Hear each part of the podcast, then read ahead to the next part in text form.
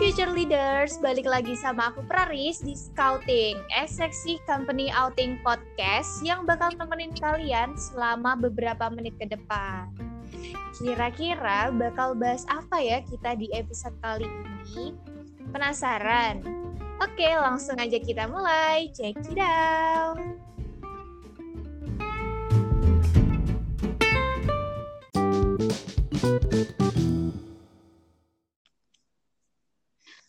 Oke, di, di episode perdana ini aku bakal bahas mengenai toxic productivity, yaitu obsesi untuk mengembangkan diri dan merasa selalu bersalah jika tidak bisa melakukan banyak hal. Wah, cukup berat dan mungkin sedikit relate nih buat kita yang anak-anak sibuk mungkin ya. Oke, jadi gitu teman-teman, gambaran topik yang bakal kita bahas. Tapi kali ini aku nggak sendiri nih, karena bakal ada satu narasumber cantik yang bakal ngobrol bareng sama aku mengenai toxic productivity. Langsung aja ya, kita aja kenalan. Hai. Halo Paris. Salam kenal Halo. semuanya. Aku Chelsea dari Subdivisi Konten Strategis Seksi dan juga mahasiswa Psikologi UGM angkatan 2019. Halo semuanya, salam kenal. Wah, salam kenal Chelsea. Keren nih, anak psikologi UGM. Cocok banget sama tema pembicaraan kita kali ini. Oke. Okay. Um, langsung aja nih ya. Chelsea, siap gak di? Udah siap belum aku tanya-tanya mengenai topik kita kali ini? Udah siap dong. Wih, mantep banget. Langsung aja ya, kita ke pertanyaan yang pertama. Apa sih toxic productivity menurut seorang Chelsea? Oke, jadi toxic productivity nih ya, kalau menurut aku sih, itu di saat kita tuh terlalu terobsesi sama produktivitas, sampai-sampai tuh kita nggak peduli sama physiological needs kita. Kayak contohnya mungkin mm, tidur, mandi, makan dan sebagainya. Terus biasanya tuh uh, toxic productivity bikin orang-orang tuh punya ekspektasi yang gak realistis buat pribadi mereka sendiri. Biasanya mereka juga nggak pernah puas sama hasil kerjaan mereka gitu. Oh, oke. Okay.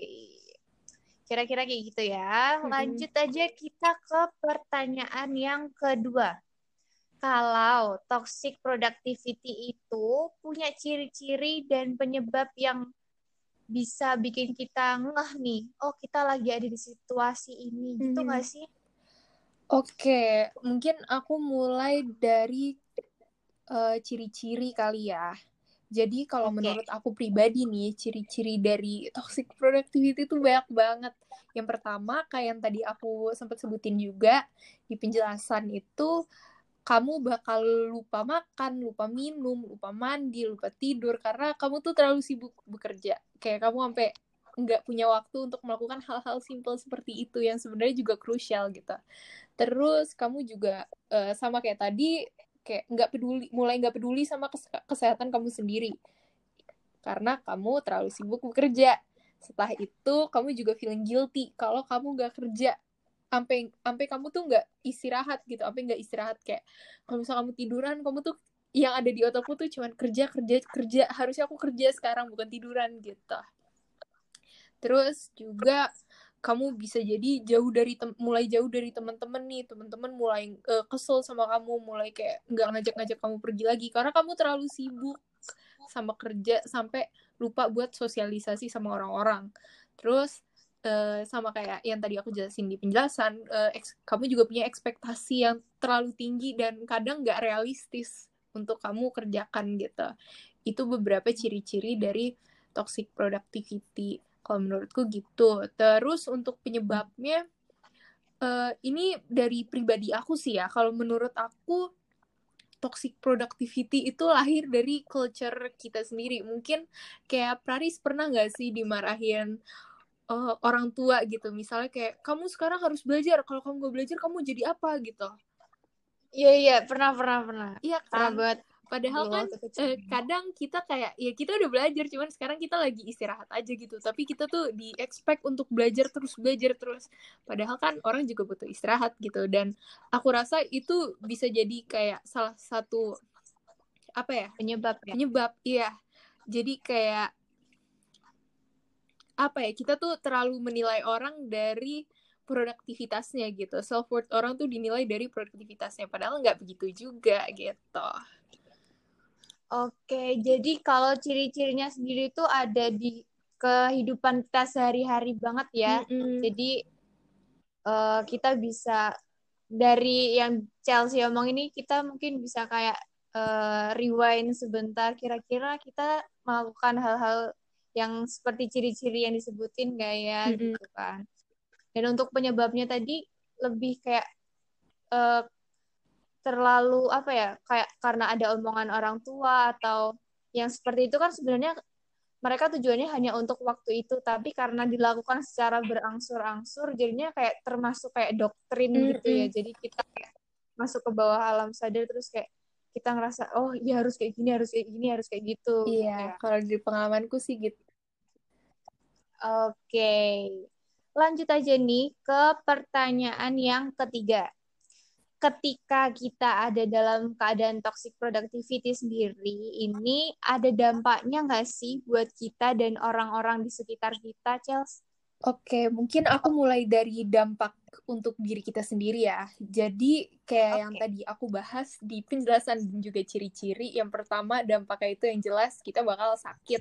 Karena kita lupa makan, kita lupa tidur, jadi kurang tidur. Terus kita lupa minum juga, dehidrasi, kita lupa mandi dan sebagainya. Saking kita terlalu sibuk sama kerjaan kita. Padahal kan itu semua krusial ya, kayak makan, minum, mandi. Itu tuh semua physiological needs kita gitu loh. Tapi kita sampai lupa karena kita terlalu sibuk sama tugas kita. Terus setelah itu, selain sakit, kalau sakit kan secara fisik ya. Nah, um, toxic productivity ini juga bisa kayak menimbulkan penyakit-penyakit mental gitu. Kayak ini bisa banget nih menyebabkan kita jadi stres atau mungkin jadi penyakit mental yang lebih jauh lagi gitu, yang lebih ekstrim lagi karena e, bisa juga karena kayak penyebabnya kita kurang sosialisasi dan jadinya kita tertekan dan malah ini tuh membuat produktivitas kita tuh jadi menurun gitu loh dan produk kayak hmm. yang kita awalnya pengen produktivitas kita naik terus kita malah stres terus produktivitas kita malah nurun itu kan malah bikin kita makin stres ya gitu Iya, bener banget. Iya kan? Okay. Nah, terus tuh mm -hmm. Itu kalau buat diri kita sendiri. Kalau kalau banyak orang, eh kalau buat orang e, lain itu banyak hubungan yang rusak sih karena kita terlalu sibuk untuk kerja. Kayak misalnya mungkin teman-teman kita ngajak kita main tapi kita nggak pernah bisa ikut karena aku sibuk aku sibuk aku sibuk. Terus jadinya uh, kita jadi jauh, menjauh sama teman kita. Atau mungkin lebih parah lagi kita jadi menjauh sama keluarga kita sendiri gitu loh padahal serumah iya sih itu yang paling parah sih, iya kan? Ya. padahal kita serumah tapi kerjanya kita di kamar doang rapat ngerjain tugas gitu. Sampai kita tuh lupa kayak padahal kita juga ada keluarga gitu. Buat spend iya. some time with gitu. Hmm terus berarti uh, kalau misalnya sama pacar gitu juga bisa gak sih kayak sampai lupa nggak chat atau lupa nggak ngabarin kayak gitu ya iya aku aku sebenarnya juga gitu tuh kadang tuh aku kayak pernah sampai terlalu sibuk sama tugas sampai aku tuh ngacangin chat pacarku berjam-jam gitu sekarang aku oh. ngacangin dia gak ya aduh Oke oke jadi gitu ya. Mm -mm. Cukup harus cukup sabar buat kita mungkin yang nggak kena toxic productivity tapi punya temen yang kena gitu. Jadi kita juga harus tahu dan sabar-sabar juga ya ngadepinnya ya. Hmm, benar. Oke dan ini adalah pertanyaan keempat. Ini um, kalau kamu ada nggak sih pengalaman pribadi nih tentang si toxic productivity. Kalau ada ceritain dong. Tadi udah ada tuh satu ya kan yang keceplok. Iya, tadi salah satu pengalamanku itu. Uh, jadi tuh aku pernah sih kayak aku sempet sibuk kayak buat selama dua minggu gitu sampai bener-bener kayak rasanya tuh kayak nggak nafas gitu ampe-ampe tuh aku nggak mandi dua minggu terus aku tuh bener-bener nggak makan kayak dua hari gitu lah terus itu pun kayak aku oh. emang punya kebiasaan untuk lupa makan kan dan jadinya karena sibuk makin lupa makan lagi dong iya jadi oh. harus diingetin gitu loh kadang tuh bahkan aku lapar yeah, yeah. tapi aku nggak sadar gitu dan jadinya tuh mm. ntar pas sadar tuh pas udah udah sakit gitu tiba-tiba pusing tiba-tiba puyeng berdiri uh. rasanya mau pingsan gitu itu sih kok uh, iya, aku iya, tuh iya. kayak ngerasa oh ini emang udah harus istirahat gitu kalau kayak gini tapi kadang istirahat kadang enggak karena kayak ya itu tadi aku nger kadang ngerasa guilty gitu kalau aku istirahat tugasnya belum selesai masa aku istirahat sih gitu dan kayak oh. itu nggak sehat sih terus selain itu uh, sama kayak apa namanya dampaknya tadi yang aku jelasin aku juga lumayan jadi lumayan jauh sama keluarga aku waktu itu karena aku ngerjain tugas mulu aku rapat terus. Jadinya tiap keluarga ngajak apa-apa tuh kayak nggak bisa rapat nggak bisa tugas gitu. Jadinya kan kayak uh... Uh, mulai jauh gitu loh sama keluarga dan ya sebenarnya menurut aku itu salah satu dampak yang super negatif sih dari toxic productivity gitu Oke oh, oke, okay, okay. tapi aku cukup kaget sih sampai kayak kayak baru ngeh aja gitu ternyata ada ya orang yang segitunya sama pekerjaan mm-hmm. dan terkena karena pengaruh si pro, toxic productivity ini sampai gak mandi dua minggu dong. Sekarang udah mandi kok. Oh ya oke, okay. puji Tuhan ya kan. Terus kalau dari keluarga kamu sendiri nih, tahu nggak sih kalau kamu tuh pernah terkena si toxic productivity ini? Hmm, sebenarnya kayak uh, kayaknya bukan terkena deh, kayak lebih ke mengalami kayak apa ya? Ya mengalami, ya benar maksudnya itu uh, sih. Kayak pernah ada di fase itu gitu. Um, jujur sih ya menurut aku kayaknya uh, lebih ke banyak orang yang belum ngerti toxic productivity itu apa sih dan limit dari uh, apa yang memisahkan productivity yang sehat dan productivity yang toxic itu di mana gitu loh titik titik pemisahnya uh -huh. tuh di mana gitu jadi menurut aku kayaknya keluarga aku sendiri bahkan nggak tahu gitu loh apakah aku nggak iya ya? uh -uh. karena banyak orang yang sebenarnya juga nggak tahu gitu ah iya sih iya iya oke oke ya bener sih kadang juga aku juga ngerasanya gitu kayak gak tahu kan toxic productivity itu kayak gimana terus yang yang bener tuh kayak gimana terus gitu kalau emang gue lagi iya, sibuk iya, ya kan Nah, oke okay, oke. Okay. Terus lanjut nih ke pertanyaan yang terakhir sebelum closing. Kalau dari kamu, ada nggak sih tips-tips to deal with this toxic productivity?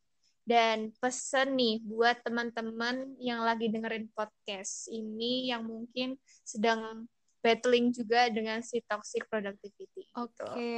mungkin saran aku nggak terlalu apa ya, nggak min much karena aku sendiri juga masih battling sama toxic productivity, tapi aku mau menyampaikan beberapa hal. Jadi menurutku itu cara how to deal with toxic productivity itu kamu harus siapkan waktu sejenak buat istirahat dan bernafas.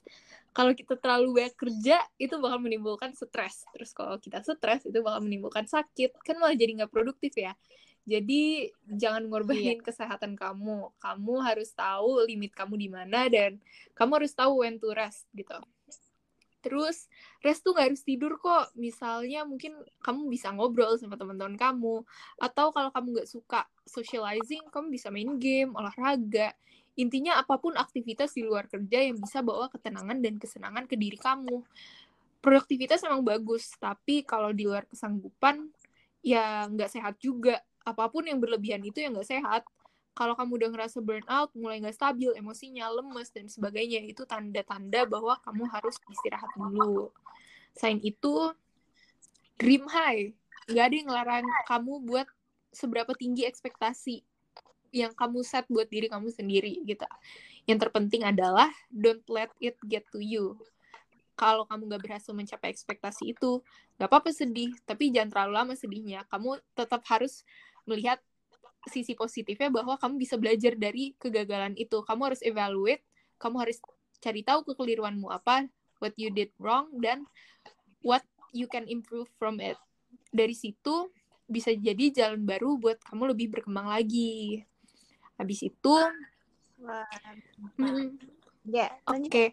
abis itu kamu juga bisa coba baik sama diri kamu sendiri. Pas aku ngalamin toxic productivity, kerjaanku cuman mikir kayak, aku nih nggak berguna banget sih, atau kayak gini aja nggak bisa gitu. Dan menurut aku itu big no-no sih.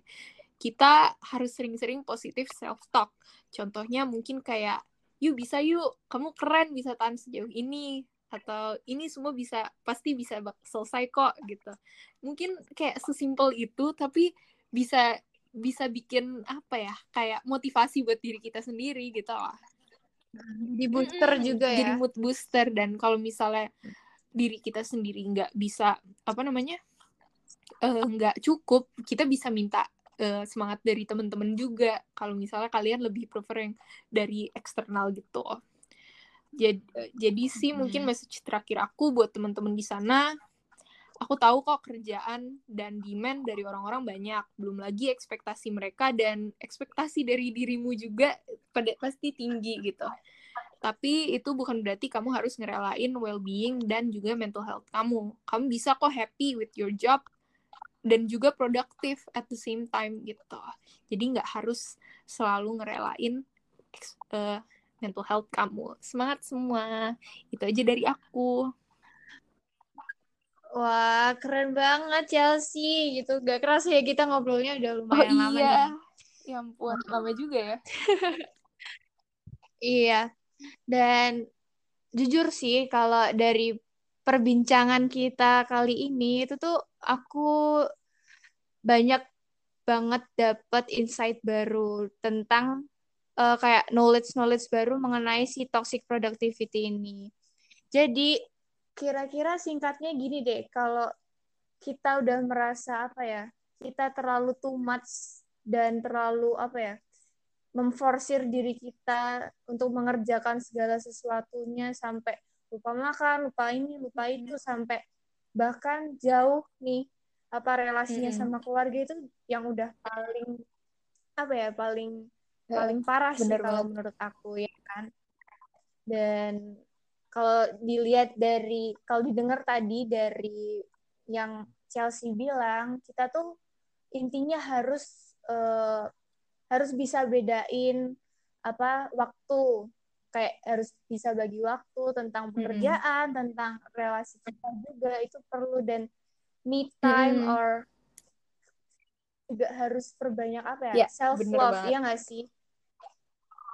Intinya tuh kayak kalau kita udah punya self love nih kita juga pasti peduli sama apa yang tubuh kita butuhin. Kayak misalnya mandi makan minum itu kan suatu kebutuhan yang harus ya nggak sih kalau nggak ada itu kita Mm-mm. mau kayak gimana nggak bakal deh bisa ngerjain hal-hal yang lain lagi Mm-mm. gitu ya gitu sih kurang lebih teman-teman pembahasan kita kali ini mengenai toxic productivity. Semoga setelah dengar podcast ini kalian bisa dapat banyak insight baru dari apa yang aku dan Chelsea obrolin. Terus semoga juga bisa membantu nih buat teman-teman untuk mengetahui atau mengidentifikasi kira-kira kalian pernah nggak sih ada di posisi ini atau apakah kalian sedang ada di posisi ini kayak gitu. Dan buat ke depannya kita bisa jadi lebih aware sama diri kita ke depannya kayak eh, kita tuh ngalamin gak sih gejala-gejala atau ciri-ciri yang udah disebutin Chelsea tadi. Itu.